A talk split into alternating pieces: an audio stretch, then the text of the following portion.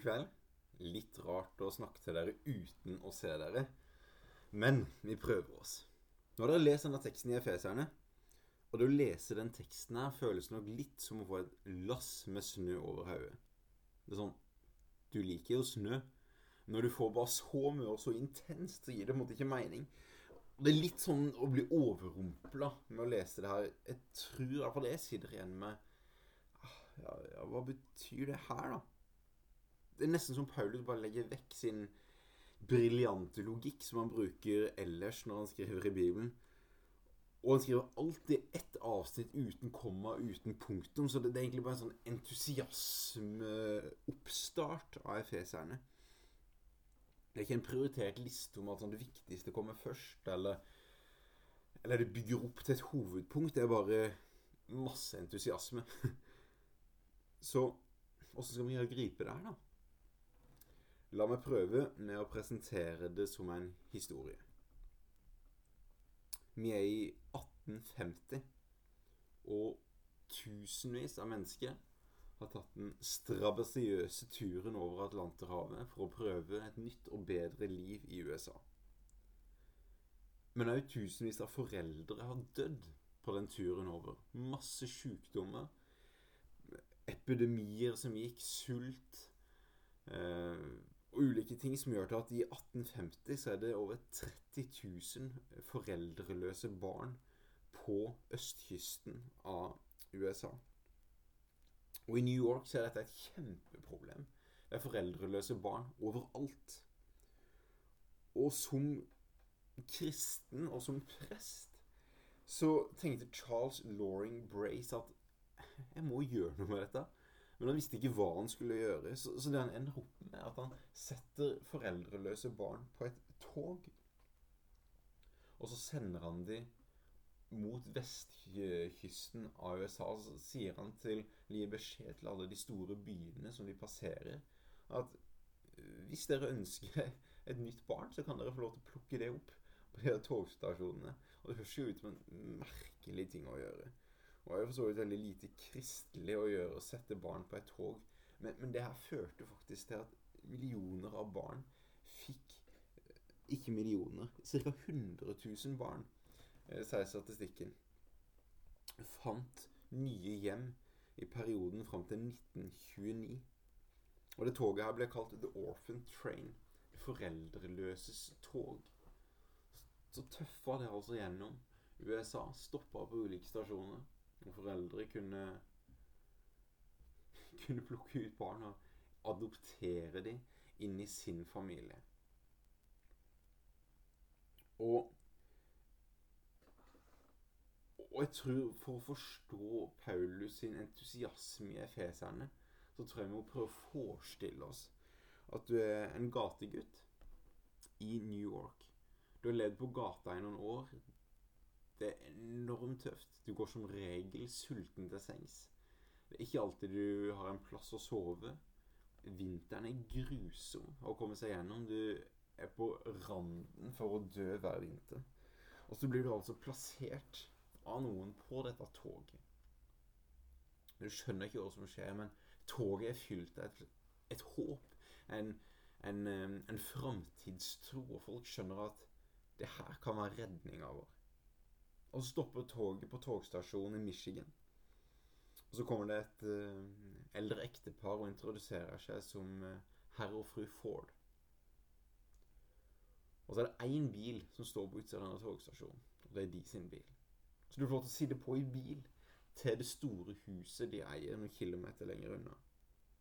Og så kommer du inn der, og så sier de til deg at nå har vi adoptert deg som vår ekte sønn. Det betyr at du er blitt arving av den formuen vi har. Du er barnet vårt. Vi kommer til å elske deg uansett. Og her skal du få den friheten du ønsker til å bli det du har lyst på. Men vi har noen regler for åssen du kan leve. Og vil du tenkt rundt det her?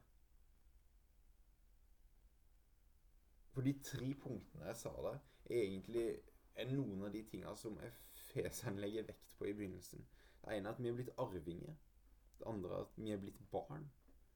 Og det tredje er at vi har fått friheten. Og alt det her er skjedd i Kristus. Så det betyr at det var ikke, det var ikke vi som satte oss sjøl på det her toget. Det, var Jesus som tok initiativet til å redde oss. Og så er vårt valg da Ønsker mye å ta imot det her? For det er to feller vi veldig fort kan falle i. Og det ene er at mm, jeg fortjener det ikke. Så du lever i dette huset i Michigan til herr og fru Ford. Men du tar egentlig aldri imot det som er der. Din mentalitet er fortsatt gategutt i New York. Og du greier ikke å, å slappe av. Du greier ikke å, å ta del og være en sønn i den nye familien. Og det her vet vi skjer ofte med barn som blir adoptert. De, de føler seg fortsatt ikke som en del av det nye hjemmet. Den andre fella av fallet er at du blir bortskjemt. Du glemmer å være takknemlig. Du glemmer hvordan du egentlig hadde det før. Du glemmer å si takk.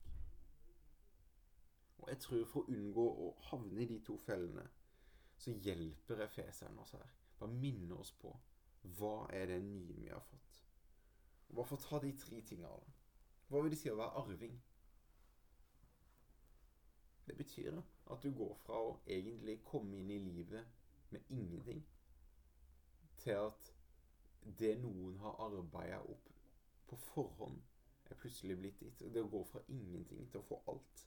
Det å være en gategutt i New York der du ikke hadde framtid. Du hadde ikke noe håp. Du hadde ikke noe håp om at, om at du eller dine barn skulle, uh, skulle få noe bedre. Plutselig så har du fått mulighet til alt mulig. Du har fått arva noe du egentlig ikke har fortjent. Og nummer to er at du er blitt et barn. Og hva vil det si? Og det betyr at du er elska på tross av, og ikke på grunn av.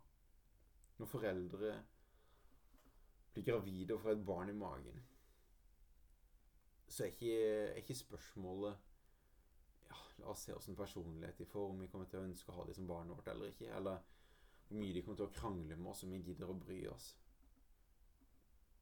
Det er en selvfølgelighet at du er de sitt barn uansett. Og sånn er det med Gud som pappa er. Han har ikke noe sånn Hvis du har synda så og så mange ganger, hvis du velger å gjøre det her så og så mange ganger, så, så kutter han det av. Nei, det er noe han har bestemt seg for på forhånd. Å være din pappa, og du er hans sønn eller datter. Spørsmålet er om vi tar imot det. Velger å være det barnet. Velger å bli elska.